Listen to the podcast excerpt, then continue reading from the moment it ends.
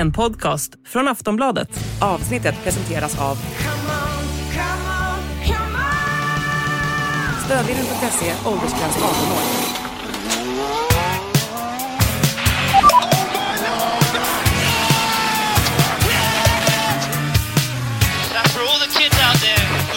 Impossible. You can do it too, man.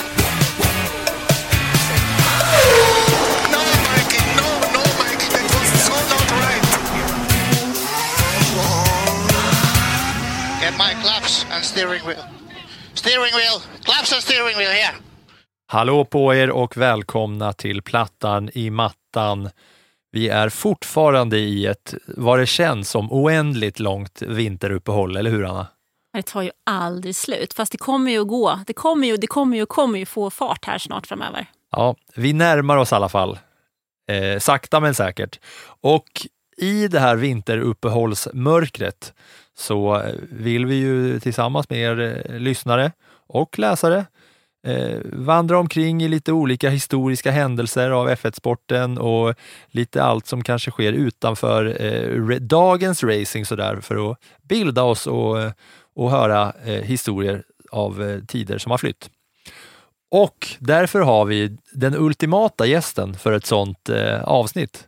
Välkommen till eh, Sportbladets F1-podd Plattan i mattan, Fredrik af Petersens, med hur många år under hatten av F1-bevakning som helst. Ja, jag började, tack för inbjudan. Eh, Jag började skriva min första artikel 1968 och blev frilansare 1975, så det mm, har varit några år. Ja, det är ett och annat år. Och ni två, Anna och Fredrik, ni har ju då eh, så att säga jobbat på eh, F1, med F1-bevakning fast på olika medier och tidningar under samma era. Va? Och det har vi gjort. Eh, Jag började ju skriva F1 år 2001. Faktiskt. Så det är också några år sedan. Och vi har väl stött på varandra. Paris vet jag att vi träffades. Barcelona. Och Barcelona sa du. Mm. Så att, eh, några gånger under året. Ja. Ja, för mig supertrevligt att ha dig här som eh, både liksom som eh, F1-expert men även en eh, som har varit med i journalistgamet i många, många år och på Radiosporten då framför allt va? Ja, och eh, tyvärr en avsomnad nyhetsbyrå som heter FLT var en stor kund till mig också, men den finns som sagt tyvärr inte längre. Ja. Och fortfarande när Radiosporten, det, Ja. ju, det händer ju fortfarande att eh, du får eh, vara med där så att säga. Ja, eh, söndag eftermiddag efter varje lopp, så min blogg, konkurrenten kanske, Ja just det, ni är bloggkonkurrenter Ja. också. och eh, då naturligtvis till, lite till inslag också. Ja, just det. Eh, Du är ju här av två anledningar. Ett är ju för att du är den du är va? och har eh, bevakat sporten så pass länge. Och två, för att vi ska idag prata om Ronnie Pettersson och hans storhet och betydelse och få en liksom eh, vad ska man säga då, en plattan i mattan inblick i, eh, i Ronnie Pettersson. Det blir som ett litet historiskt dokument. Och då måste man ju nästan börja med att berätta för de som inte känner till att du var ju faktiskt där 11 september när, eh, på Monza när dödskraschen och Ronnie Pettersson var. Ja, jag får väl säga att tyvärr var jag där. För det, det är någonting som man inte glömmer, men man helst inte skulle vilja uppleva. Det var en olycka som gav eko över hela världen. In, inte bara i Sverige utan eh, faktiskt över hela världen därför att Ronny var så pass välkänd och så duktig och så uppskattad både utav... Eh, sporten var inte lika stor i, eh, då som den är idag, men Ronny var ju känd överallt och framförallt internationellt känd som en av de bästa förarna. Så att eh, chocken var enorm. Om man tänker för våra, våra lyssnare som kanske inte har full koll på Ronnie Pettersson så kan vi väl säga att Sverige har haft tio F1-förare under, ja, ja, under hela F1-historien, ända sedan 1950. Och Ronnie Pettersson är ju den som har varit mest framgångsrik av alla. Han körde mer än 120 lopp. Han vann 10 av dem. Och han, har också, han körde i F1 mellan 1970 och 1978. och har också haft framstående placeringar i VM där han slutat två Ja. bland annat. Så det är ju, eh, har man sett Marcus Eriksson till exempel som körde i F1 i fem år så var ju Marcus inte i närheten av de framgångarna som Ronny uppnådde. Och inte heller Stefan Lillövs Johansson som vi följde under 80-talet och början av 90-talet var i närheten. Även om han körde för fina stall som Ferrari och McLaren så körde Ronny för Lotus och han, var ju, han är den största skulle jag säga F1-förare som Sverige har haft. Vad Ja, säger du? Utan tvekan. Jag menar, som du säger, att han har vunnit tio lopp, blev vice världsmästare. Då är man faktiskt eh, bland de bästa under den generationen. Det går inte att diskutera bort på något sätt. Och det, man kan inte riktigt jämföra förarna i och med att de kör olika bilar, olika generationer. Men om man tar varje generation för sig så kommer ändå Ronny eh, toppa listan. Det är utan tvekan den bästa, som du säger, bästa svenska förare som vi har haft i, i Formel 1. Ja, jag skulle, skulle, nu är jag ju, var jag ju väldigt liten när Ronny gick bort och jag har ju egentligen inga riktiga minnen från hans karriär mer än vad jag har lärt mig i efterhand. Men även om man gör som du säger nu, delar upp F1 i olika decennier. Som när jag får frågan vem är den bästa så brukar jag också säga att man delar upp det i decennier för att det går inte att jämföra tid för tid för det är så olika. Men i ett sånt, så på 70-talet så skulle jag nog säga att Ronny var en av de bästa och snabbaste förarna. Ja, det stämmer. Därför att om man, man tittar på, på listor eh, som görs, ska vi säga, av de äldre journalisterna som är på 60, 70, 80-talet, där är Ronny alltid med bland topp 10. Eh, den nya generationen som skriver listor, som, de tänker kanske 90 och 200. Och många av dem, ja visst det fanns, var det inte en svensk förare med också, men de, de är inte riktigt lika, utan det är mer Allan påstår och Ayrton Senna och, och det gänget. Och det, många av de nya har liksom glömt Ronny. Men som sagt den gamla generationen, det, absolut, där toppar Ronny, eller Ronny är alltid med på topplistorna. Men det blir lite som eh, fotbollsjournalister till exempel som kan prata om Pelé och som kan prata om Grenoli men inte har upplevt det på något sätt. Och även de liksom nyare kan prata om Maradona men man inte riktigt har upplevt det på något sätt. För att eh, det är också indelat i olika liksom, eror på, eh, på ett sånt sätt. Och jag tänker mig att många av våra lyssnare känner till Ronny Pettersson och vet om just att han är en av, eh, en av eh, eller framförallt Sveriges största och det är ett namn så man vet att det gjorts dokumentärer och, och filmer och att det pratas om honom. Men vart han befann sig liksom i hela världstoppen när det kommer till eh, Formel 1 tror jag att det är många som kan som man, som man inte vet om.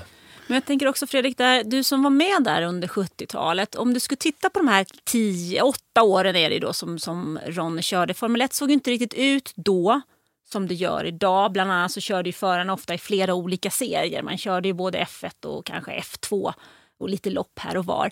Hur, om du skulle beskriva Ronnys karriär under de här åtta åren, hur skulle du göra det? Det var en, man skulle kunna säga en oslipad diamant som blev slipad till och blev en av de bästa förarna. Men eh, man kan ju knappast få ett bättre betyg än när Jackie Stewart säger att det här är min kronprins. Eh, och Jackie har ju vunnit VM-titlar och är ju fortfarande aktiv och dyker upp på tävlingarna.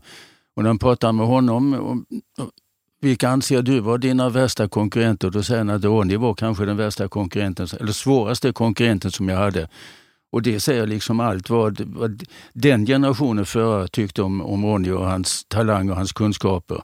Och vad som också gjorde honom så populär bland de andra förarna, det var att eh, Ronny var Ronny. Det, det, gick, det var liksom inga dolda tankar eller någonting, utan han var aldrig 100% ärlig.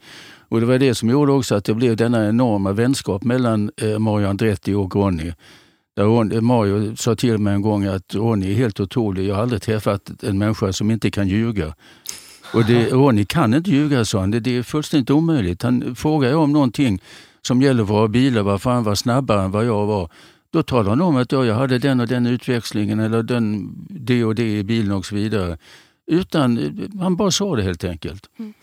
Och där ska vi kanske lägga till då att eh, Mario Andretti är ju en, en av de största racerförarna, den största amerikanska racerföraren, även om han hade italienska rötter, som någonsin har funnits. Alltså han har vunnit VM i Formel 1, han har vunnit Indy 500, han är, hans familj är ju på något sätt ett DNA i amerikansk formelbilsracing och han, det finns fortfarande ett team som hans son eh, styr i Indycar och han har också under en lång, lång tid eh, nu varit intresserad av att ta sig med det teamet till F1 faktiskt. Och det finns ju anledningar att komma tillbaks till Andretti när vi pratar om Ronnie Petterssons eh, karriär. Men jag är lite nyfiken, hur, stöd, hur var liksom, vad var dina första eh, möten med, med Ronnie?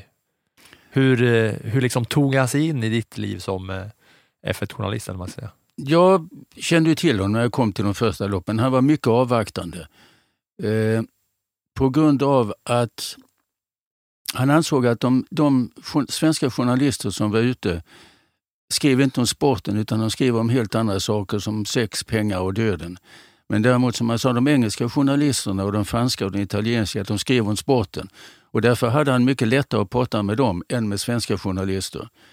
Eh, och, men jag lyckades, vi blev vänner, så det tog ett par, tre lopp och sen, vi blev vänner helt enkelt. Så vi umgicks en del privat.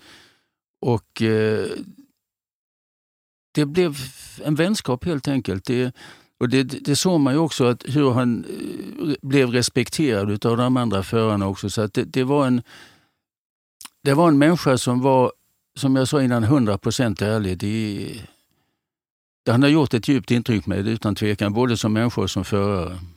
Och om man tittar då på, vi vet ju vad F1-bevakningen i Sverige och framförallt i världen, hur den är idag. Men hur var det då i Sverige? Var liksom, hur var intresset och hur var bevakningen? Var ni, eh, ja, hur, gick, hur gick det liksom till? Vad, fan, vad, fanns, vad var det för typ av medievärld då, så att säga? Det var när Ronny hade börjat vinna, eller sagt det började bli på, eh, kom på prispallen och framförallt efter att han hade vunnit första loppet i Dijon i Frankrike så blev intresset naturligtvis större. TV hade rättigheterna och då fanns det en tv-kommentator, det var inte Janne utan det var en annan kommentator som sa att jag hatar eh, Formel 1 och Formel... Det finns tre sporter som jag hatar, Formel 1, Formel 2 och Formel 3. Och han var kommentator, så han, liksom, han var verkligen inte rätt man på rätt plats. Eh, det blev ett uppsving utan tvekan. Eh, därför det märktes att det kom mer och mer svenska journalister ut på banorna tack vare Ronnys framgångar. Men det var ju inte den hypen som det har blivit nu. Det är, jag menar, nu är det någonting helt annat. Nu har ju förarna en, en status som inte, de inte hade då. De hade inom den hardcore-kärnan som verkligen var intresserad av motorsport men inte samma enorma status som det är idag. Nej, men då på den tiden, eh, tänker så här, eh, Barbro, Ronnys fru, hon stod ju och räknade tider och kollade varv. Eh, hur ofta ser vi Verstappens eh, flickvän som har ett namn, efternamn som är Piqué eh, stå och göra den typen av arbete under en F1-helg? Det finns inte. Hon gör med dagens mått mätt också ett arbete genom att ta bilder och posera, ta bilder på sig själv när hon är där i depån. Det är dagens motsvarighet. Ja, men det är inte riktigt samma på den, så på den och en tiden. skam över att det har blivit så. Ja, men på den tiden så var det ju en annan typ av, av man kan säga F1-familj där, där folk gjorde sitt jobb på ett annat sätt och man ger- putta in liksom. Mm. Vi hade ju en helt annan... Eh, det arbetas på ett helt annat sätt just när det gäller tidtagningen. Dels var den så kallade officiella tidtagningen. Då var det ofta ett gäng gubbar som satt på en läktare och var och en hade en eller två bilar som skulle hålla koll på och satt med en handklocka och, och tog tiderna. Och sen hade varje team eh, sina egna, ofta var det hustru eller flickvänner som satt på depåmuren och klockade sin egen förare. Och det hände faktiskt ett par gånger att eh, bland annat i, eh, eh, jag kommer inte ihåg vilket lopp det var, det var i Amerika, det hade de, de officiella tidtagarna, två eller tre stycken hade somnat på läktaren. Så att då, det blev en enorma diskussioner om vem som var snabbast och vem som var långsammast. Och till sist så enade man sig om att alla de här damerna och flickvännerna, deras tider skulle vara griden. Ja, inte den de officiella tidtagningen. Ja, de hade ju somnat i solen. Ju. Ja. jämföra där. Hur, du, mitt papper, vad säger det med ditt papper? Nej, min man var lite snabbare där tyckte jag. Titta, det är inte en åtta, det är en trea. Ja. Mm. Ja, wow. Men de enades i alla fall. Men om man kollar bakgrunden på, eh, på Ronnie Pettersson, hur, hur han tog sig till Formel 1. För att man vet ju idag hur svårt det är och jag kan tänka mig hur svårt det var då också att komma ut från Örebro, ta sig hela vägen ut till liksom, motorsportens absoluta finrum. Ren och skär talang eh, och med hjälp av sponsorer. Framförallt en italienare, Guggi Sandon hette han, som hjälpte Ronny mycket. Inte bara Ronny utan många andra förare också. Och som bland annat ett år, eh, på den tiden körde alla med eh, Ford Cosworth-motorer. Och då hyrde han motorer för alla, alla stallen och sa att eh, lämna tillbaka dem när säsongen är över. Men är det någon som eh, kör sönder en motor får ni själva betala det. Men ni behöver inte betala någonting för motorerna. Så han, han gav dem till teamen. Och han var en av eh, Ronnys privata sponsorer. Och sen var det ett par svenskar också. Men eh, till stor del ren och skär talang. Men han tog sig ändå upp eh, via några underklasser, körde Formel 3 Ja, han gick den klassiska vägen. Ja, ja, hela vägen och då upp. var pappan med och byggde. Och, Ja, det, den första F- eh, F3-bilen byggde pappan. Men sen eh, hade ett av de kanske bästa loppen som har körts i Monaco. Det var faktiskt mellan Ronny och René Wiesel i Formel 3. Och det är ett lopp som eh, folk fortfarande pratar om. Ja. För det har jag, kan jag säga. Jag har liksom hört och snappat upp det och liksom sett om det. Eh, Just det här Formel 3-loppet i Monaco som man, som, eh, ja, trots att jag inte liksom har bevakat det länge eller har engagerat mig i Formel 3, så har jag liksom snappat upp att det finns ett legendariskt race. Jag vet, jag pratade med, nu lever ju tyvärr inte Reine Wiesel längre, men jag tror att jag pratade med, det kan ha varit ett halvår eller någonting innan han gick bort. Eh, och då pratade jag med honom om hans karriär och sådär. Och då pratade han också om det loppet och vad det loppet har betytt för svensk motorhistoria. Som att det egentligen var det som tog både Ronny och honom själv vidare upp i kungaklassen. Vad var det för lopp? Ja, vad ska man säga? Det, det var ett lopp mellan två killar som ville upp eh, till Formel 1 och vem som var bäst utav dem och ingen ville ge sig. Det, det var, att de inte kockade, det är faktiskt ett under. Men också bevis på att bägge två var helt schyssta mot varandra. Även om bägge två siktade och visste att kanske bara en av oss kommer till Formel 1. Men det var inga oschystheter mellan dem, men det var alltså stenhårt. Varv efter varv efter. Det var inte många millimeter mellan bilarna.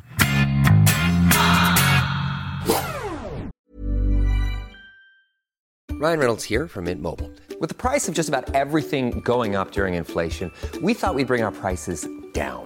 So to help us, we brought in a reverse auctioneer, which is apparently a thing. Mint Mobile unlimited premium wireless. Ready to get 30, 30, bit to get 30, bit to get 20, 20, 20, bit to get 20, 20, bit to get 15, 15, 15, 15 just 15 bucks a month. So, Give it a try at mintmobile.com slash switch. $45 upfront for three months plus taxes and fees. Promo rate for new customers for limited time. Unlimited more than 40 gigabytes per month. Slows. Full terms at mintmobile.com.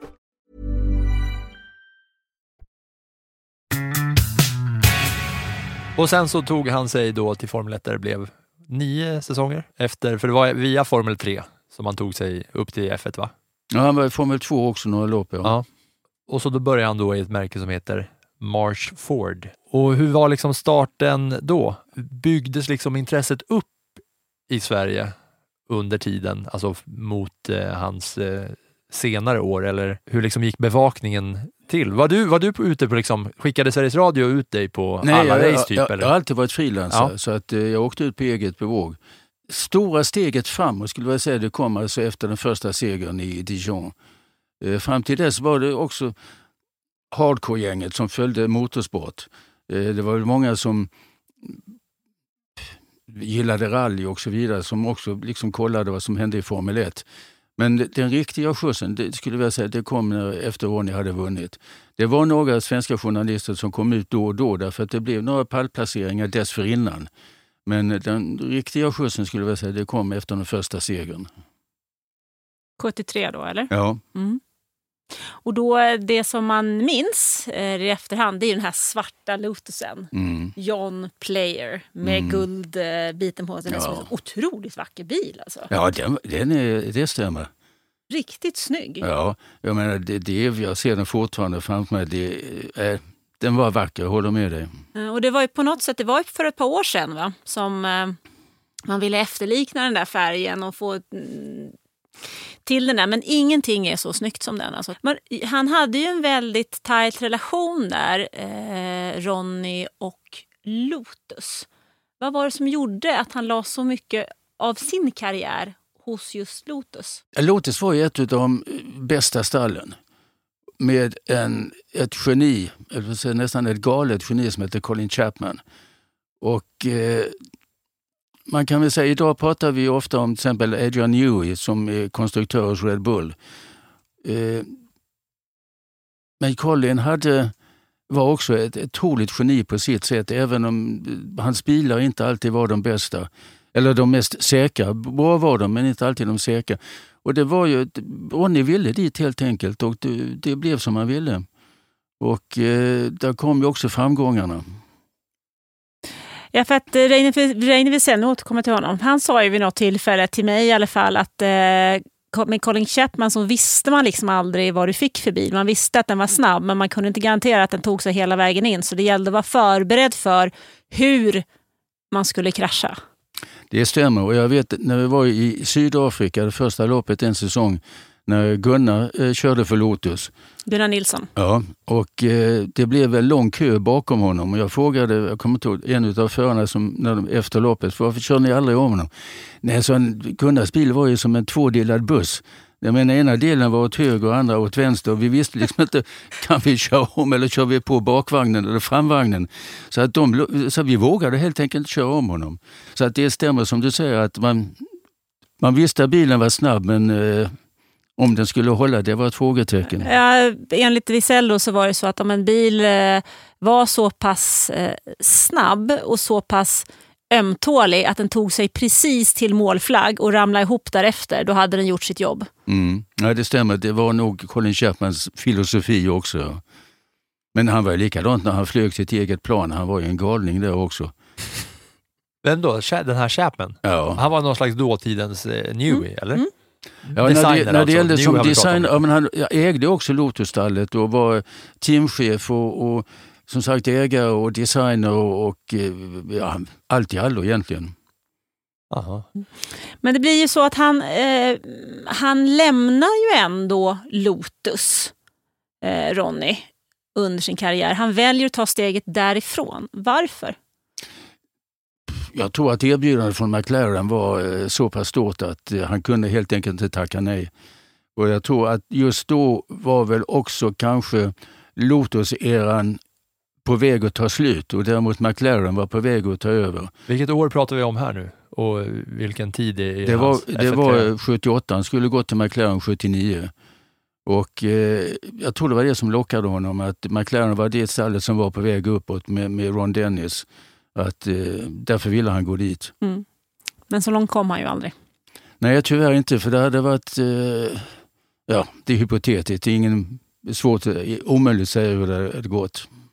Men om vi, går, om vi kikar tillbaka på den här sista säsongen där då, 78, för nu har Ronny ändå blivit stor. Jag vill nästan gå tillbaka lite ännu längre bara Ja. och fråga om dina, Då gör du det. eh, om dina liksom, eh, möten eller när du var då som F1-journalist och, och åkte omkring. Hur mycket lopp var du på på den tiden? Och eh, vad, har, vad är liksom dina, vad ska man säga, som F1-journalist och som bevakade Ronnys karriär, vad är dina så här starkaste minnen under karriären?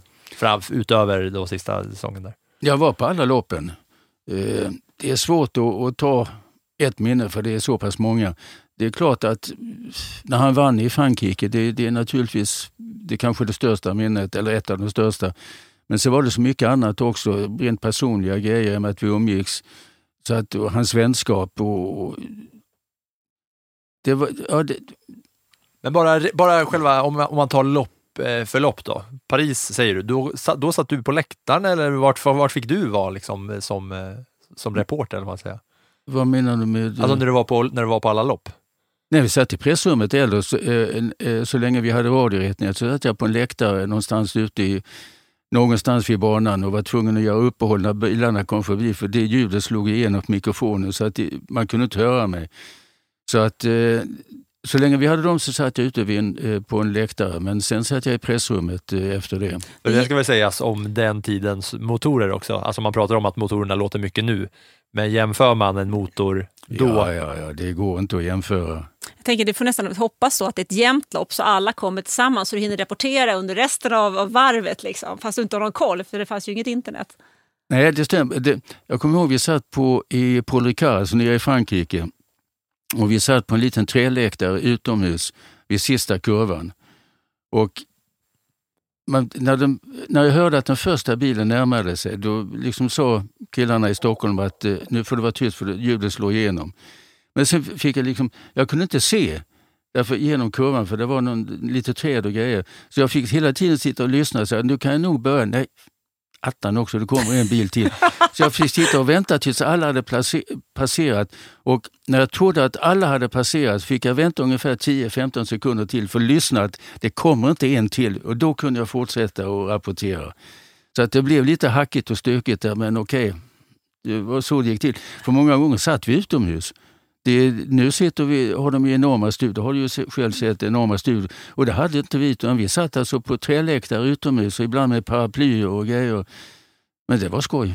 Men jag vet ju också någon gång, första gången när jag var på, absolut första gången jag var på F1, det var på eh, ett test i Barcelona också. Eh, Toyota, det var när eh, Ove Andersson, påven, fortfarande levde. Så skulle vi göra ett reportage om hur ett F1-test går till. Och så hade jag eh, fått en intervju eh, Eh, och gör den intervjun och så hade jag ja, du vet, slut på papper så jag spelade in. Och så drog Honda på sina motorer, bar Honda. Jag började anteckna på en servett där för att få med, för när jag skulle tvätta det ljudet sen när jag kom hem, för jag skulle skriva ett ganska långt reportage av det där. Och det var inte enkelt. Nej, men jag hade också eh, festliga upplevelser. Jag hade alltid blev god vän med en eh, radiojournalist från Argentina som heter Oscar. Och, eh, han hade alltid apricot, apricot brandy som han dags sa, för det rensar rösten så den blev len. Och så fick han alltid göra reklam emellanåt för ett bageri eller en apotek eller något i den där stilen. Och det började mycket bra på spanska, nu börjar loppet bla bla. Och när vi kom, när det var ungefär fyra varv kvar så blev det att ja, nu kommer det snart i mål här. Och det var också flaskan med apricot brandy tom.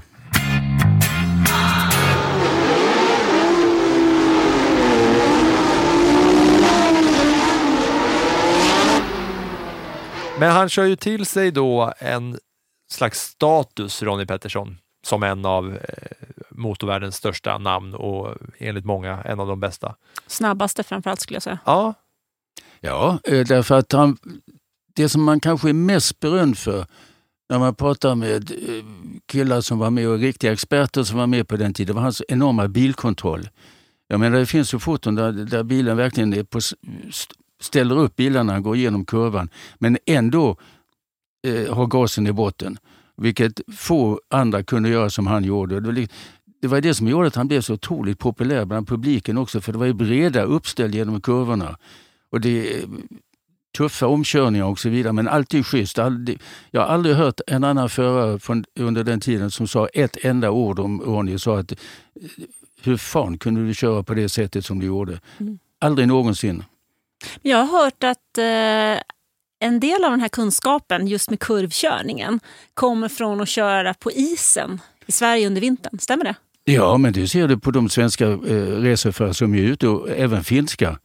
De har ju en helt annan talang och kunskap än med, eh, europeerna. Just som du säger, för att de har varit ute och tränat i skogen. Och men hur många av de här förarna Eh, har kört olovligt med pappas bil eller en gammal folk eller vad som helst och kört som du säger på is och snö ute i skogarna och lärt sig att behärska bilen. Det kan du ju se på alla, jag menar ifrån eh, Ronny och Kenny Breko och, och Marcus och hela gänget. De kan köra när det är halt. det tycker jag man förvånas av när man kollar på gamla eh, racingklipp. Hur mycket liksom, det var sladd på bilarna eller hur mycket de liksom gled ut ur, ur kurvorna. Medan till skillnad från nu när de bara så här, de flyttar ju inte en eh, centimeter i sidled. Liksom. Mm. Men det är sådana som kallas utvecklingen av aerodynamics.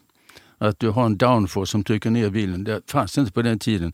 Jag, menar, jag antar ni har sett bilder på när de första vingarna kom. De var ju två meter höga. Ju. Och eh, det, då rätt, började man forska i aerodynamics och sen har det blivit en kunskap för sig nu. ju. det är rätt kul att titta på gamla bilder från 70-talet, även om man inte är super F1-fan. Så titta på gamla bilder och se hur bilarna har utvecklats med allt ifrån jättefläktar i baken till sexhjul till jättevingar som du säger. Det är ju en helt... eh, Och så på vägen fram då så togs F1 till Sverige också. Ja, det kom en liten cigarrökande gubbe från Småland ut till Europa så jag ska ha Formel 1 i, i, i Sverige. Ja, ja, ja. Och så, Det var liksom reaktionen. Keep on dreaming. Men drömmen blev sann. Anderstorp pratar vi om då. The eyes of the motor racing world were focused on a small, previously unknown town deep in the south of Sweden. It was 1.30 on a hot, dusty Sunday afternoon, June the 17th. Now we find ourselves further north than at any time in a European World Championship. We're at Anderstorp in Sweden, and behind me the Scandinavian Raceway, with some tortuous corners that seem to go on and on. A flat place amidst the pine trees where the drivers are really going to have to work. And the Swedes for their first ever Grand Prix have come here in huge quantities. 50,000 of them. And the man they want to see win is Ronnie Peterson, the man who's driving in his 38th Grand Prix. med hjälp av eh, Ronnys karriär då, gissar jag på, eller? Ja, det, kan man, det var ju dragpostet utan tvekan. Men eh, Smokey var ju också envis som synden. Han sa bara, jag har bestämt mig, då ska jag ha det. Men han blev utskrattad både i, i Sverige och utomlands. Men han pratade med Bernie och det gick igenom. Ja, det var en upplevelse. Eh, Hände, hände det något med sporten just på så sätt att den kom och kördes? Att hela liksom F1-eliten kom till Sverige? Och, Ja, det blev det därför att om du ser på de kallade VIP-gästerna som kom dit så var det ju samma gäng så att säga som åkte till, upp till Sälen och Åre när Stenmark var som bäst. Eh, det var ju hela Stockholms jetset och eh, jag menar Lill-Babs, det var en massa kändisar som var där. Men framför allt, eh, och honom räknar jag absolut inte in bland kändisarna, och det var ju prins Bertil som var mycket motorintresserad, som kom dit också. Han var ute på flera tävlingar sen också. Så att det, det blev ett enormt drag eh, på Anderstorp, utan tvekan. Och det betydde nog rätt mycket. Jag tror att många av de sen som försökte bli reseförare blev eh, inspirerade av vad som hände och vad som skedde på, på Anderstorp. Att sen inte någon lyckades direkt, det är en annan historia. Men jag tror många ungdomar blev inspirerade. Det kör, vad kördes det? Sex gånger eller någonting på 70-talet? va? Det Ja, kördes det väl var- aldrig efter Ronnys död? Nej, det, det, det skulle ha gjort det, men det blev inställt. Så att det kändes ju så på något sätt som att Sveriges topp och hype låg där på 70-talet. Då fram till Ronnie Petterssons död när man ändå har ett eget GP i Sverige. Fatta hur stort det hade varit om vi hade haft ett F1-lopp i Sverige idag. ja, det är just det. Jag håller med dig fullständigt. Eh, Men det märkliga är att Därför att, eh, då vet jag att TT skickade ut en, eh, en undersökning bland sina kunder vad de ville ha mer och mindre av. Och jag trodde nämligen, okej, okay, that's it, nu blir jag arbetslös. Men då blev, jag kom, det var Janne Niklas som, som då var sportchef på FLT som berättade för mig att i de svar som TT fick så var det man ville ha mindre av var statistik. Men man, man ville ha mer av så kom motorsport på antingen andra eller tredje plats. Och det förvånade alla. Och det var jag tacksam för, för då kunde jag fortsätta. Jo, men så, så är det ju. Motorsporten har ju det, har vi märkt många, många gånger och F1 här, att det finns ett djupt rotat intresse i Sverige för motorsport och för F1. Och än idag, jag har en son som går på gymnasiet, när de snackar i en stad som jag bor i, Ystad, där man då inte har något fotbollslag av eh, högsta kvalitet, då tittar man möjligen på MFF. Men när jag hör, så pratar man handboll, men sen är det F1. Och det finns inte i närheten av någon racing. Det finns en, en, en svampabanan i Tomelilla men det Ja, är liksom det. inte... det Där är har ni varit och kört eller? Svampabanan i Tomelilla. Ja, men det är så roligt för att den ligger precis vid en stor rondell som man kör om man kör norröver mot Kristianstad. Och där ligger en gammal folkracebana och bara namnet Svampabanan gör att det finns inget annat egentligen i den regionen. Och jag hör även på andra kompisar som han pratar med från andra eh, handbollslag och sånt runt om i Sverige att även ungdomar idag är intresserade av F1 och motorsport. Så det finns någon slags, jag förstår absolut det intresset som fanns då på, i slutet av 70-talet pratar vi om och, och 80-talet, för det har fortsatt. Liksom. Ja, nu har vi ju, har vi, vad är det, fyra, fem killar som eh, kör internationellt med blandade framgångar. Men vi har en ung kille som precis har blivit med i Ferraris Junior Aca- Academy. Dino Beganovic. Har varit med i podden som gäst här Ja, hos, ja. oss, med, hos mig och Anna och förhoppningsvis ska väl vara det igen för att vi tycker det är kul att ha honom med. Nu ska han köra Formel 3. Mm. Så det, det, det, men allting går kanske ibland runt i, i cirklar, men nu är på väg upp igen. Just som du säger med din son, att allt, många pratar om Formel 1 eller motorsport. Och det, mycket som, självklart, man kan se så mycket på tv, så mycket eh, video, eh, Youtube och allt vad det heter. Därav kommer intresset. Och just som du säger också, Drive for Survival har skapat ett enormt intresse utav motor, för motorsporten. Och jag menar, det är också att, att framgångarna när det gäller internationellt blir ju folk också mer intresserade när det är så att okej, det går ju bra för svenskarna. Om det sen är handboll eller fotboll eller vad det är, men man, viss nat- stolthet. Ja. Ja, vi har ju inte brytt oss jättemycket om skridsko senaste liksom, eh, 20 åren, men sen kom Nils van der Poel och då var alla Till- skridskotokar Till exempel. och så ja. vidare. Men eh, tillbaks till eh, Ronny. Vi ska väl ta oss till 1978. Jag tycker det. Du kan väl få berätta för oss egentligen eh, hur läget var i F1 inför säsongen 78.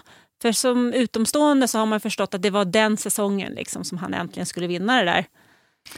Ja, men eh, det trodde vi nog alla, det stämmer. Men jag vet att när vi kom till Brasilien som var första loppet och eh, vi satt vid swimmingpoolen och då hade det kommit fram att han hade skrivit på ett kontrakt som nummer två i teamet och Mario Andretti var etta. Och jag frågade honom hur katten kunde gå med på det? Och då sa han bara att ja, men om du tittar på statistiken, hur ofta är det att bägge bilarna kommer i mål? En kommer alltid att bryta och min chans är att Mario kommer att bryta många gånger och då, då vinner jag. Problemet var bara att det året var bilarna, de höll. Även 100 meter efter målgång så var det fortfarande en bil man kunde köra tillbaka till depån med. Och det andra skälet var att eh, han blev nummer två. Det var att Mario, Mario var den som först skrev på kontraktet. Därför att Colin ville öka sin försäljning av Lotus sportbilar i Amerika och de ville ha Mario som eh, dragplåster. Och när sen Mario fick reda på att Donny skulle eh, vara med i teamet också sa han icke, sa han icke, jag vill inte ha honom. Och Chapman frågade varför inte. Nej, han är för bra. Han kommer att slå mig. Jag vill inte ha honom. Så vill- Trots att han var den ärliga och snälla kompisen. Ja, men det kommer senare. Därför att då kände de inte varandra. Utan då säger Mario att om du vill att jag ska stanna kvar i teamet, då eh, får eh, Ronny vara tvåa. Och det går Ronny med på. Och så lär de känna varandra och de blir alltså dessa otroligt goda vänner. Men så började det hela. Men sen blev det alltså den utveckling som ingen hade räknat med.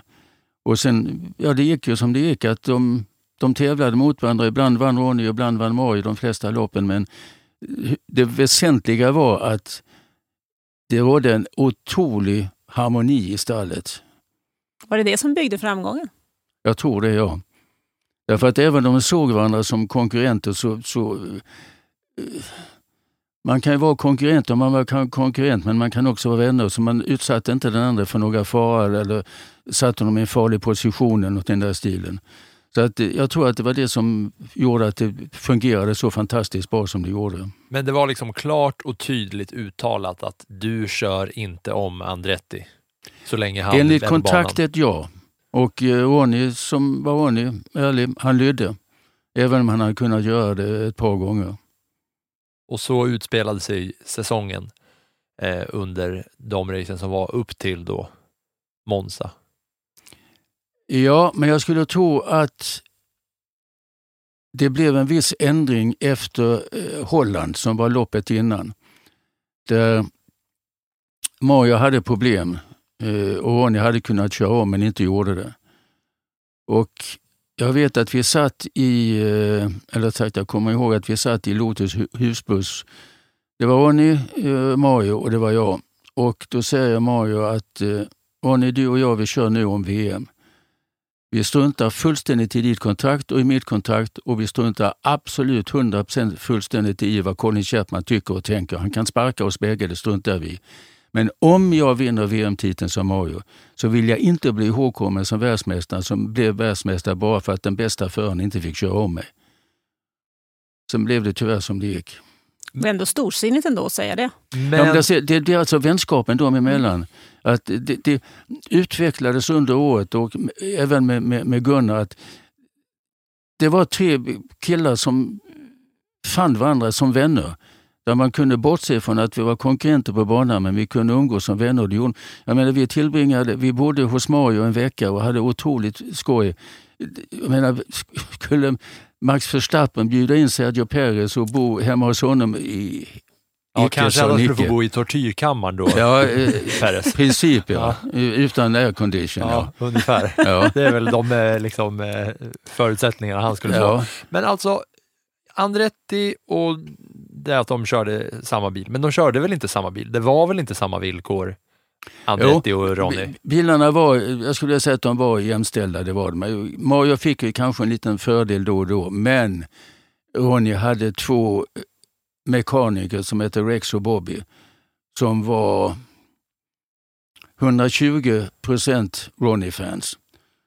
Det var en gång på Brands Hatch när loppet kördes där, eller Englands GP kördes där, där Ronny var snabbare än Mario. Och eh, Colin sa till meckarna, eh, Ron, kalla in honom, tanka bilen, han är för snabb. Ja. Så de kallade in honom, då fanns det inte Ron utan det stod man med, med en skylt att han skulle komma in. Och då tar de en dunk som nu fungerade på ett helt annat sätt. Då hade man en vanlig dunk som, och en stor tratt och så tankade de. Och så stack han iväg och var ändå snabbare än vad, vad Mario var. Så frågade eh, en av dem, jag kommer inte ihåg om det var Rex eller Bobby, Nej, sa han, vi, eh, det var, dunken var tom. Vi tyckte det var taskigt av Colin att stoppa Ronny på det sättet. Så vi bara tog en dunk, dunk som var tom och så stod vi där och som, och som om vi tankade. Och när vi tyckte att nu, nu är dunken, ja, den bör nog vara tom nu, så tog den bort den och sa Ronny, nu kan du köra. Det var hans två mekaniker, Rex och Bobby. Det är två helt otroliga människor. Nu ska vi jämföra med när vi pratade med Charlie Häggstam här för något eh, avsnitt sen och han pratade om att det är 22 gubbar Ja. på en bil. Ja, det var lite annorlunda. Ja. Ja, just det. Andra tider. Ja. Men då om vi tar oss till den här helgen då. Ja, jag, vill Eller? bara, jag vill bara stanna lite kvar i jämförelsen Andretti och, och Ronny. För jag har ju sett en dokumentär som du också eh, medverkar i, där Lotus mekaniker säger att det faktiskt låg tyngder i, i Ronnys bil och att de då gjorde som de blev tillsagda ibland och att det var vissa däck som han fick köra på som var annorlunda mot Andretti. ja, men du sa nyckelordet ibland, Ja. inte alltid. Och hur, hur bestämdes det där då? Nej, det var Colin Chapman som gav order. Ja. Och det, jag, tror, jag måste säga, jag, tror faktiskt inte att Mario visste om det. Utan det var eh, Colin som gick ner och, och sa till meckarna att eh, gör någonting, gör si och så. Men många gånger var ju Ronny minst lika snabb, det kanske skilde några tiondelar. Men det var också hans otroliga bilkontroll, att, att han kunde köra runt problemet som man brukar säga inom motorsporten. Det, att bilen behärskar inte dig utan du behärskar bilen. Så även om du har problem så med den kunskapen och talangen han hade så kunde han köra runt problemen. Om det var överstyrt eller understyrt eller för tungt eller för lätt spelade ingen roll. Han körde, och det var därför han blev så otroligt populär bland publiken med sina breda uppställ och eh, överhuvudtaget som han kontrollerade bilen och körde. Ja. Nej, men jag tycker att det är så himla intressant att motarbetas på något sätt av sitt egna team för att kontraktet var skrivet som du ska det tänka var. att det var inte bara, alltså det, i det här läget så är det ju inte kanske egentligen teamet utan det är ju marknadskrafterna Ja. runt teamet för att vi då ska ha, sälja fler bilar i USA och det är ju varken första eller sista gången man har sett det. Marknadskrafter är ju enormt starka i en sån sport. Det finns ju också ganska många stories om att Red Bull ibland har valt förare efter var man behöver sälja mer läskeblask. Ja. Mm, där sätter jag ett litet frågetecken för. Men för att gå tillbaks till när du säger marknadskrafterna. Jag skulle bara vilja säga Colin Chapman. Okej, marknadskrafter, han ville sälja mer bilar. Men det var han som bestämde. Han var diktatorn i stallet och gnodde den som pratade emot honom. Absolut, men det var han som sålde bilarna. Ja, okej, så det var en kombination av Chapman och hans företag Lotus, eh, att han ville sälja mer bilar. Men jag vet faktiskt inte om han sålde fler bilar i USA eller ej. Jag har ingen aning. Ingen aning. Men med Red Bull, eh, jag vet inte, jag tror, för Helmut Marko är ju stenhård när det gäller att välja förare och lika, både välja och sparka. Det gör han med, utan att tveka. Passar det inte så bye bye, det, och det har vi sett många gånger. ju. Och jag tror inte, så som, jag kände inte, jag har träffat Masecic och pratat med honom ett par gånger, men han var en så pass ärlig människa så jag tvivlar lite grann på att de valde efter vad de sålde mest. Han ville ha de bästa. Men Jo, det, jag kan ju inte tänka mig att en sån som Alex Albon fick möjligheten utan den thailändska delen i Red Bull. Där kan jag till viss del hålla med om, ja. Därför att det som är missuppfattning är att man, många tror att Matecic ägde Red Bull och det gör han ju inte. Det är en thailändsk familj. Fem, han, eh, han ägde 49 procent och familjen i Thailand 51 procent. Så ja, med Albon finns det nog en viss eh, rätt att eh, där var familjen la in ett ord att han skulle få köra. Mm. Och då kommer man ju också upp med det här med betalning, att pay, pay driver. Ja, men den, fin- den historien är ju så lång, den finns ju överallt. Det är till och med som, tänker jag, på Vodafone gör ett byte från eh, eh, McLaren väl till Ferrari, nej, från Ferrari till McLaren i samband med eh, Fernando Alonsos Mm. övergång till McLaren eftersom eh, den spanske kungen hade en, en eh, förkärlek att ringa Alonso, vilket syntes, telefonen syntes i. Mm, och det stämmer, de, man kan säga goda vänner, men de, de träffades ja.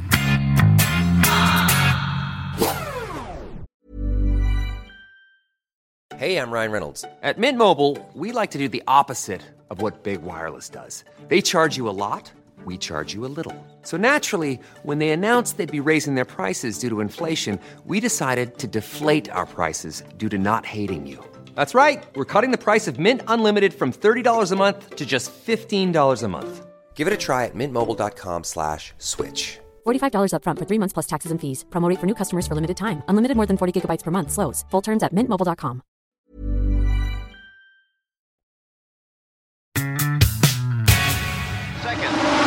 dropping back in the field as they head for that puck. There's an accident!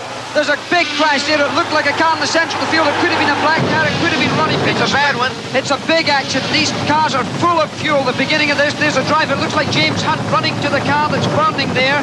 He's running to that fire. A The lot word, Jackie, is it's Peterson. Peterson in the burning car. Nu skulle jag äntligen vilja höra om den här helgen i september 1978. Kan du ta oss med från träning och kval till race? Det började som vanligt.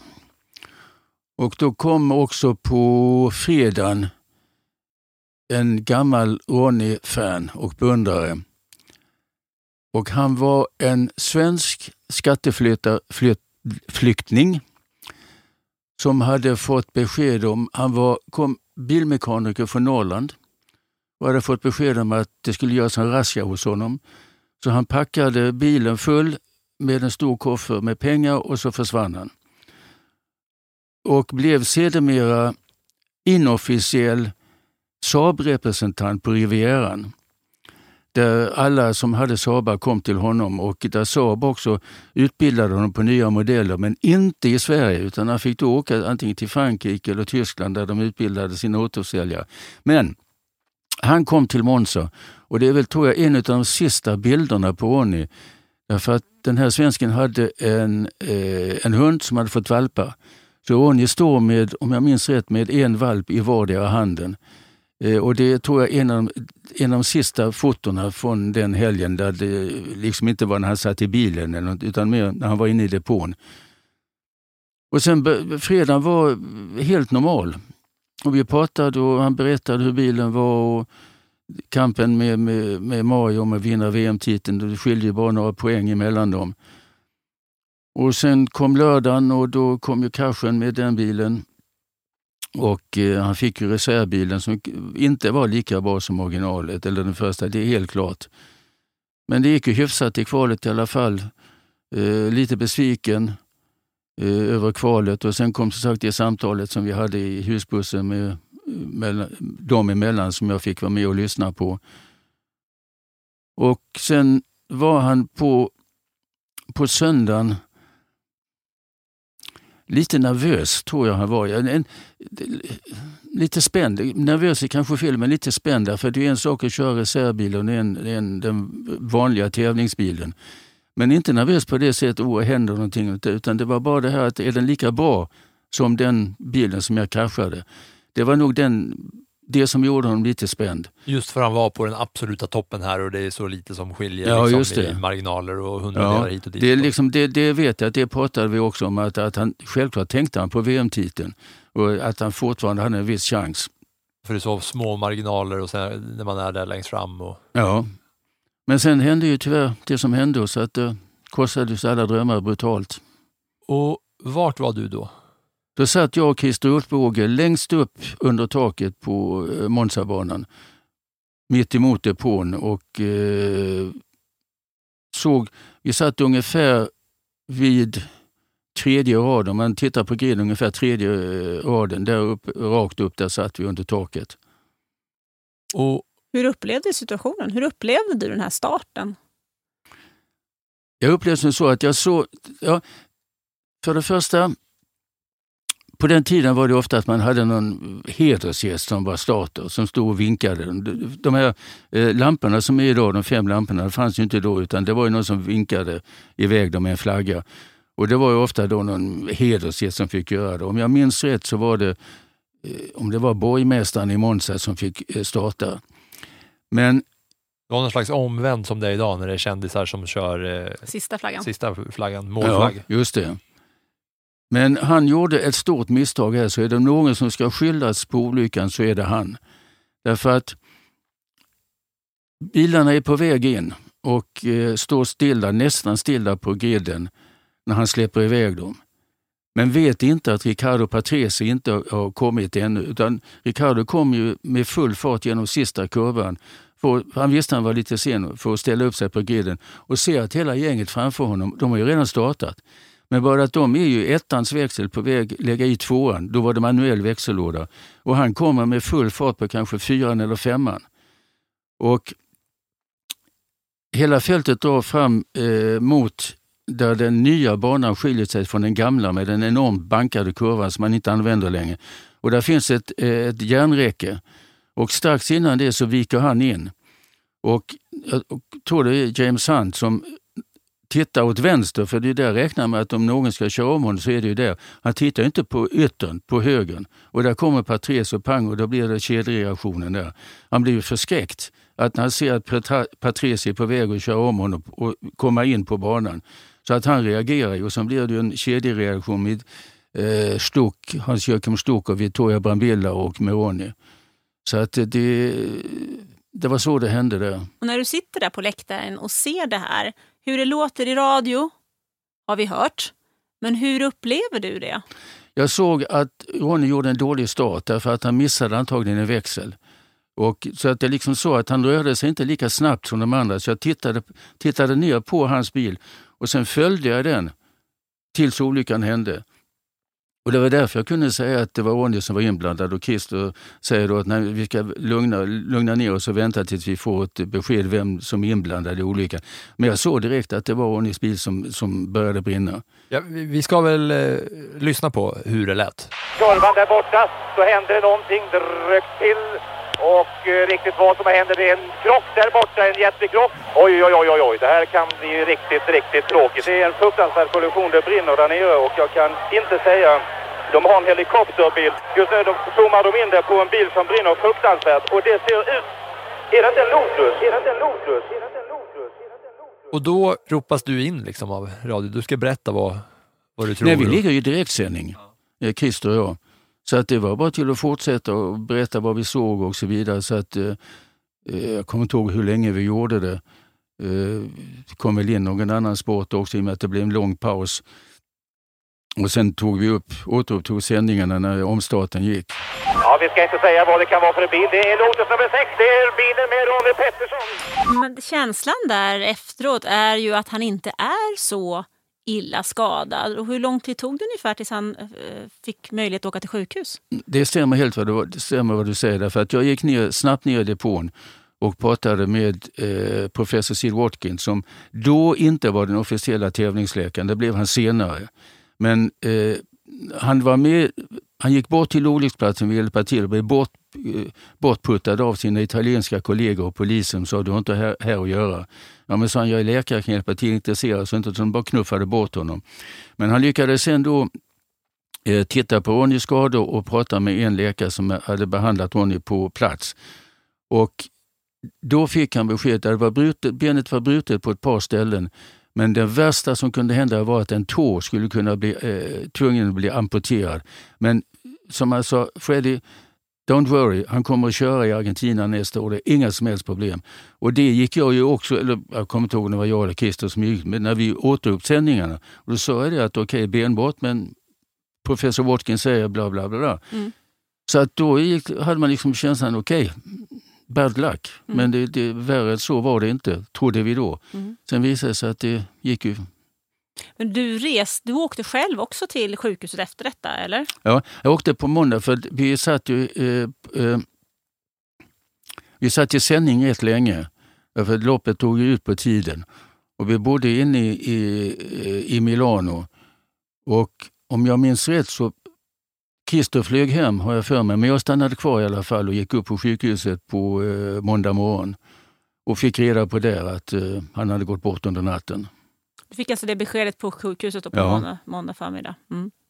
Och Mario Andretti han vann ju det här loppet Mm. och säkrade också VM-titeln Mm. i och med den segern.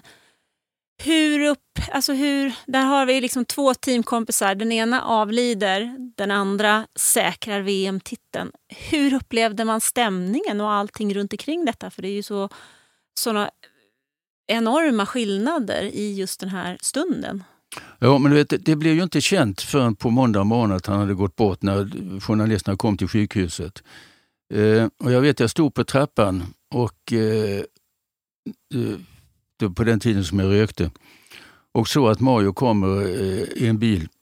Eh, alla förarna fick alltid bi- låna bilar utav en eh, bilfirma inne i Milano som de fick låna över helgen. Och jag ser att den här Rolls Roycen kommer in. Och jag ser att det är eh, Mario som sitter i bilen och jag springer ner på trappan för att han skulle slippa att bli intervjuad av alla journalister som sitter där, eller som står och väntar utanför sjukhuset. Därför Ronny skulle läggas på lite parada alltså så man kunde gå in i ett kapell. Och det ville jag stoppa honom från att göra, att han skulle, alla journalisterna skulle överfalla honom. Och speciellt då som du säger, att italienska rötter och alla italienska journalister. Och Ronny som kallades för the king of Monza för han hade vunnit tre gånger. Det var liksom bara min instinkt att låt inte Mario gå igenom den skärselden att behöva prata med alla italienska journalister och behöva ge kommentarer när han inte vet om att Tony hade gått bort utan skulle få dödsbeskedet utav dem. Och, eh, så jag går fram, då jag ser att foto, alla fotograferna springer fram mot bilen de känner igen eh, Mario. Så jag rusar ner också ner för trappan och stoppar bilen och hoppar in och säger Mario vi kör härifrån. Han hade, eh, han hade en chaufför. Så jag, vi kör härifrån. Och säger vadå? Jag vill hälsa på Ronny. Och jag sa, fasingen vet du inte? Nej vadå? Han dog i natt. Och då... Man kan säga att, att Mario nästan bröt ihop. Oj, så det var du som liksom levererade då Mm. dödsbeskedet? Ja, så vi, vi körde till en parkering eh, tio minuter från sjukhuset ungefär och där parkerade man. Då sa, ungefär i tio minuter Mario sa inte ett ord. Så det var liksom vänskapen som kommer tillbaka till det igen. Fruktansvärt att behöva lämna det dödsbudet. Ja, men du vet att när man, när man trodde att han visste det och det liksom bara kom det rent automatiskt i och med att jag visste att hur goda vänner vi alla tre var. Att du kan, det, det bara, jag bara sa det rent automatiskt. Vet du inte? Utan liksom tänka efter. Utan det, jag bara sa det helt enkelt. Eh, hur reagerade F1-världen på Ronnie Petterssons bortgång? Det enklaste sättet att beskriva det var att det, alla förare, alla teamchefer och rätt många, några mekaniker, eh, ingenjörer och så vidare kom till begravningen i Örebro. Och det, det enklaste sättet att beskriva det på att hur F1 tog emot det här beskedet. Men Mario gjorde det inte. Nej. Eh, Ronny, Gunnar Nilsson gick ju bort ett par veckor eller ett par månader senare. Och eh, när, innan, var det någon vecka innan eh, Ronnys begravning så sa Mario att eh, jag kommer inte. Jag kan inte. Och sen gick Ronny, eller Gunnar bort Och Gunnar gick bort i cancer. Ja, och då fick ju Mario ytterligare sur kritik i, i svensk press för att han inte kom.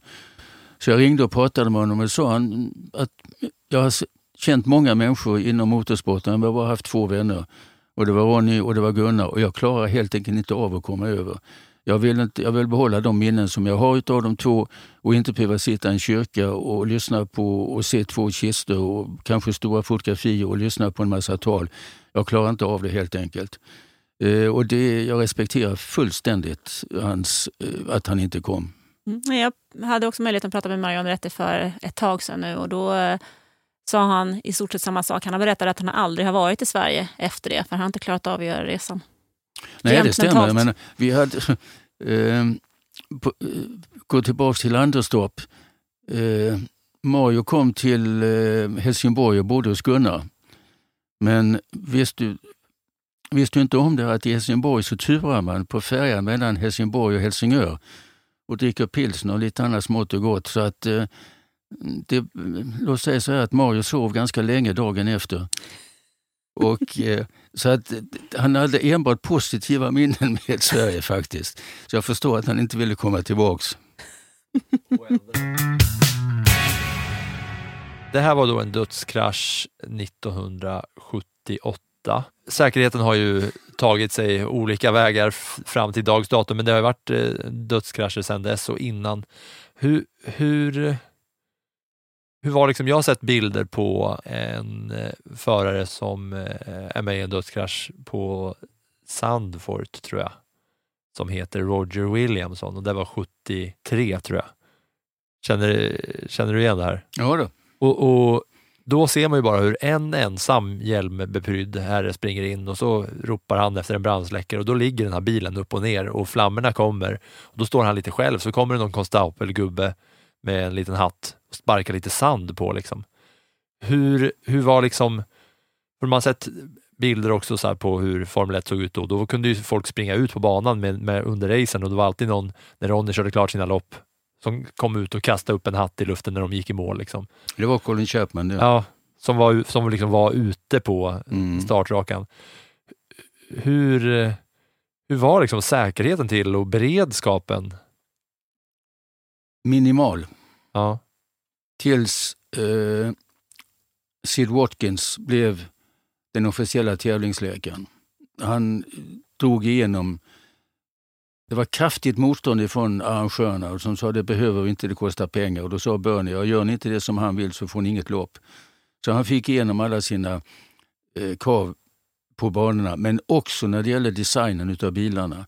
Där drog han också igenom saker och ting och sa till eh, konstruktörerna helt enkelt, om ni inte gör som jag säger så får ni inte ställa upp. Därför vi kommer inte godkänna bilen. Eh, till exempel var framaxeln som var i, i samma höjd som eh, eh, anklarna. Och han bara sa, ja, men om det blir påkörd fram, bryter ju bägge fötterna och det är nästan det, bland det sämsta man kan bryta i, i kroppen så är det just fötterna. Och det drog han igenom och det är mycket annat. Och sen kom Bernie och eh, eh, efter Sid hade slutat så kom de andra läkarna också med eh, nya säkerhetsaspekter. Vi har ju Hallow, vi har nackskyddet, höjd, sittbrunnen, sidoskyddet på sittbrunnen i höjd och så vidare. Så man har lärt sig av de olyckor som har hänt att man har förbättrat säkerheten. 100 procent blir den aldrig. Nej, och inte i de där farterna liksom. Nej, men det finns väl, det finns väl knappast någon sport som är 100 procent säker. Jag menar, fotbollsspelare bryter ben. Eller den här, eh, var det inte en spelare häromdagen som spelade med bruten arm?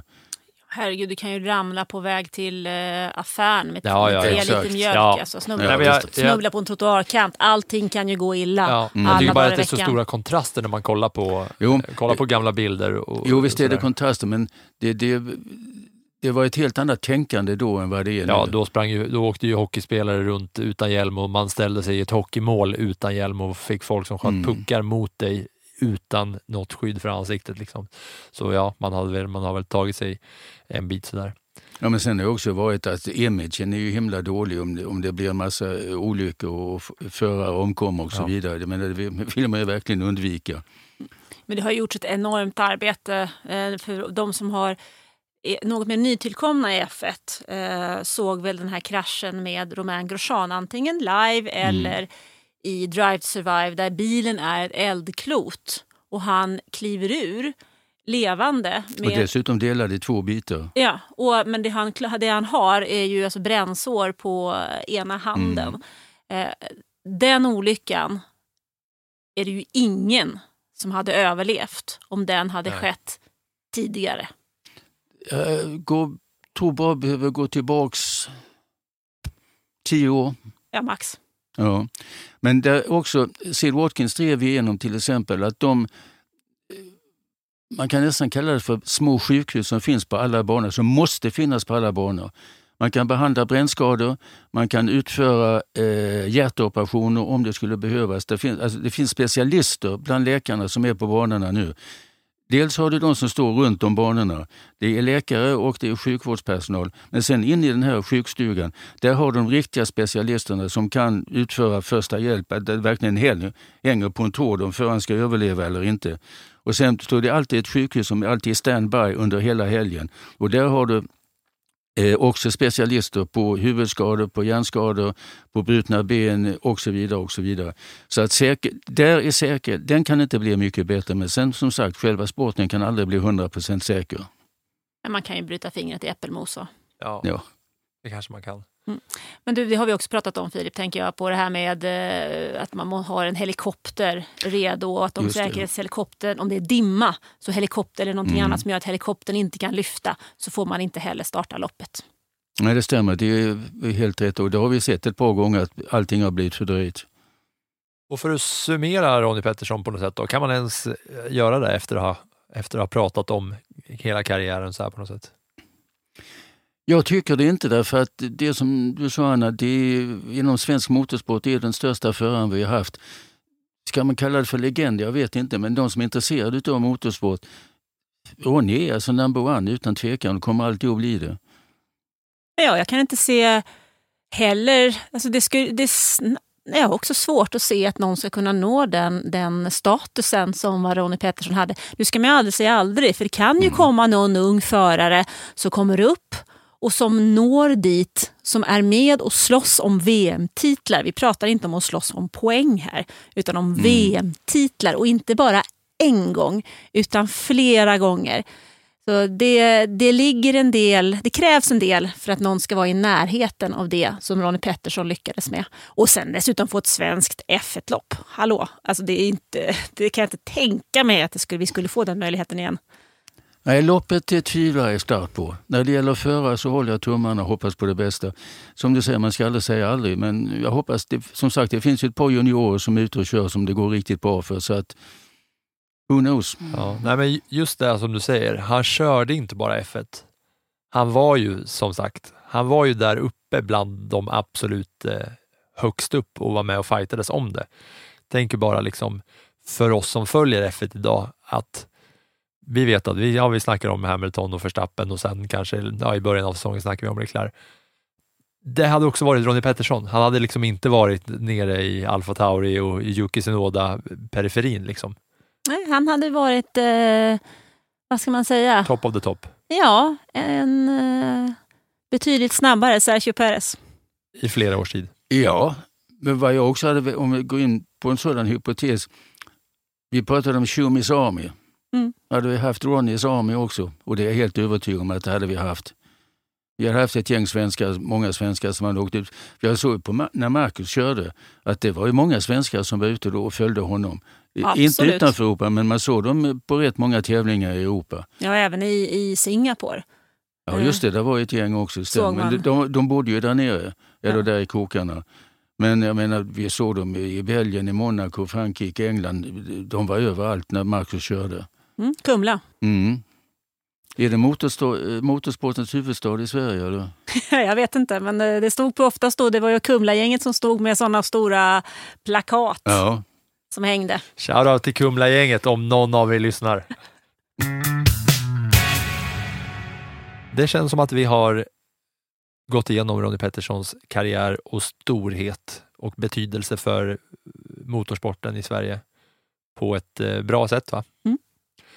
Och med det så tackar vi så himla mycket för att du kom hit, Fredrik af Petersens, eh, och snackade Ronny med oss. Och Anna, dig tackar jag ju varje vecka, så du får ett lite mindre tack. Större tack eh, här till, till mitt höger. Eh, och ni som lyssnar på den här podden är alltid välkomna med eh, input och frågor och vad ni vill på våra mejladresser som ni borde ha lärt er vid det här laget. Mm. Tack så mycket för att du kom hit. Stort tack! Jag tackar själv.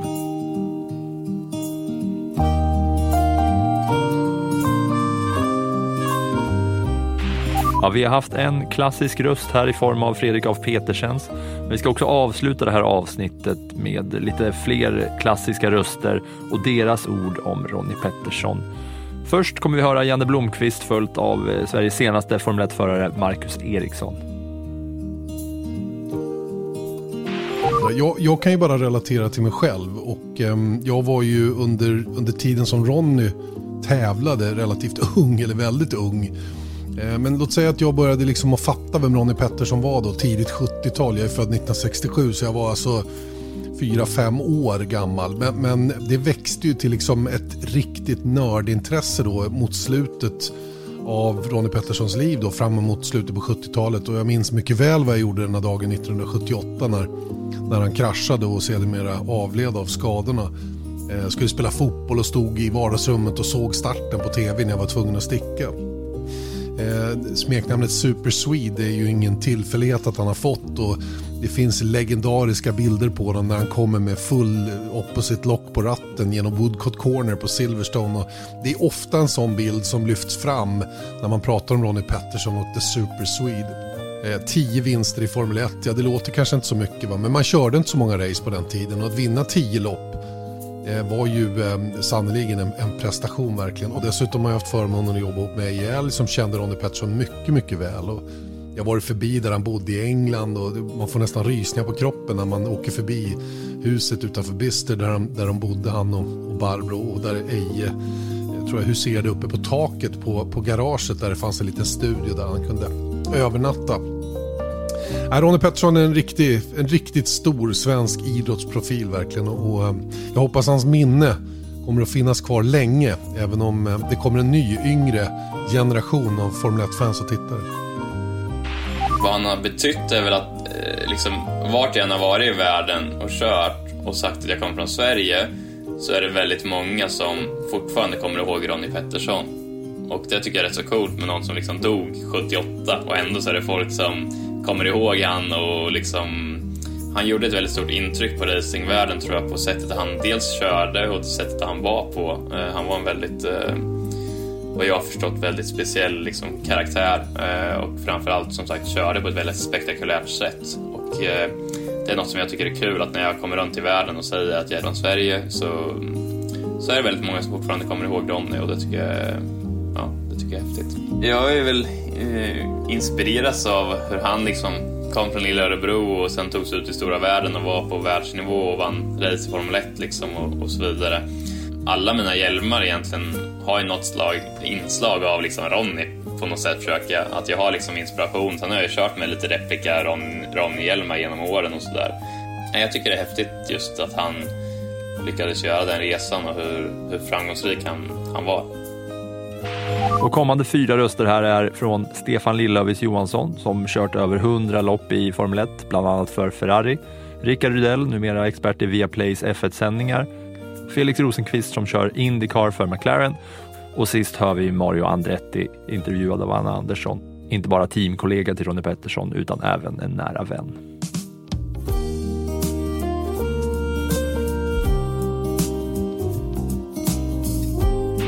Ronny var självklart min första hjälte kan man säga inom racing. Eh, kanske Jim Clark var nog den första förresten när jag var riktigt liten. Men när Ronny började komma upp genom klasserna i Formel 3 och så, så var han ju redan då den stora hjälten för alla yngre förare i gokart och sånt i Sverige. Och eh, när han sen kom till Formel 1 och och började vinna och sånt så blev han ju självklart nationalhjälte men också en stor inspiration för hela den generation av förare som kom efteråt sen i Formel 3 då. Jag själv och Eje, Anders Olofsson. Det var ju säkert tio riktigt, riktigt duktiga förare från Sverige som körde Formel 3 i Europeiska mästerskapet och även i England. Och eh, sen när jag själv kom till Formel 1 lite senare då, eh, det var ju några, några år efter Ronja hade gått bort, så upptäckte man ju hur otroligt populär han var inom hela Formel 1-communityn. Både som förare, givetvis alla avgudar ju honom för hans, hans eh, aggressiva och, och eh, vilda stil kan man väl säga lite grann. Men framförallt som person så var han ju otroligt väl omtyckt av allihopa och eh, alla saknade honom mycket självklart. Och eh, hade det inte varit för Ronny personligen så tror jag aldrig jag hade kommit eller eh, kanske inte kommit men s- satsa så hårt på att lyckas hela vägen i, i racing som jag gjorde. Va? Så att eh, utan honom så hade jag nog aldrig haft en karriär tror jag inte.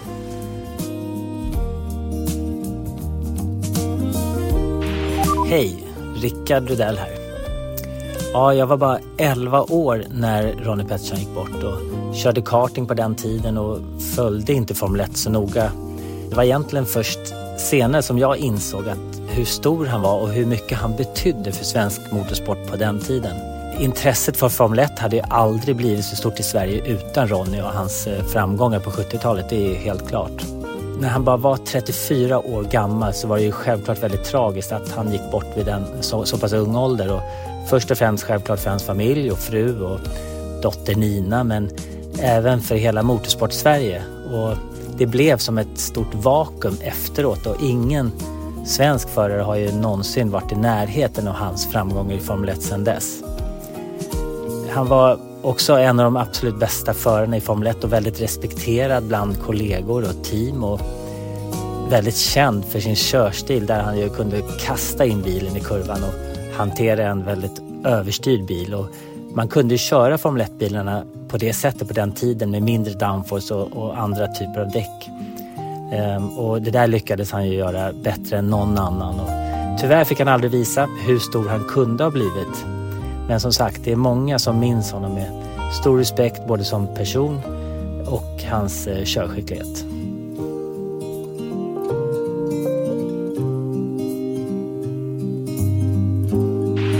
Eh, Ronny var ju någon som man även som liten pojk visste mycket väl om vem det var. Även fast han, eh, han gick bort långt innan jag föddes. Men min far berättade ju tydligt eh, när man växte upp vem han var och vad han har gjort. Och var ju liksom alltid medveten om att det var den största vi har haft när man växte upp och började köra gokart och sånt där.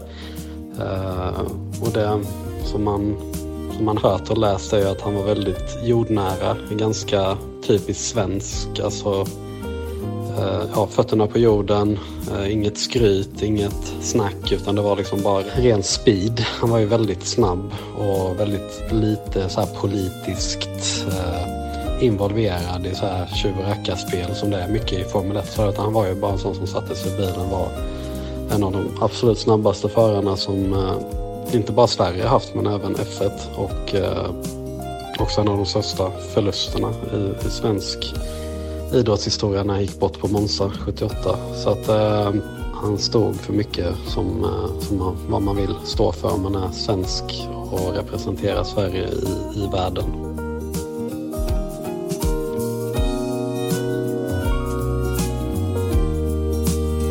Ronnie, uh, he and I and the family, uh, we bonded quite nicely. It was almost a natural relationship in that respect, uh, where um, you know you you you you go you know you're serious on the racetrack, and then uh, we enjoy our life uh, uh, away from the racetrack, and uh, Uh, he was raising a very young family, and so was I at the time.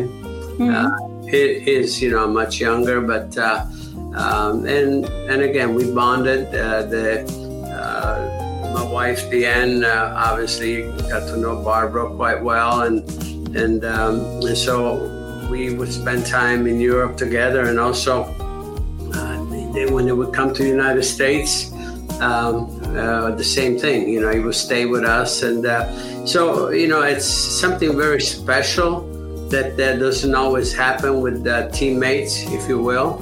Fact, when I think about it, um, except for my son. Those are the only two teammates that, that we had that um, uh, relationship um, that I can remember. Um, yeah, true. That's very true. So um, that's that's what made it that much harder when we lost them both. You know, uh, uh, like losing a family member, and and that's a fact.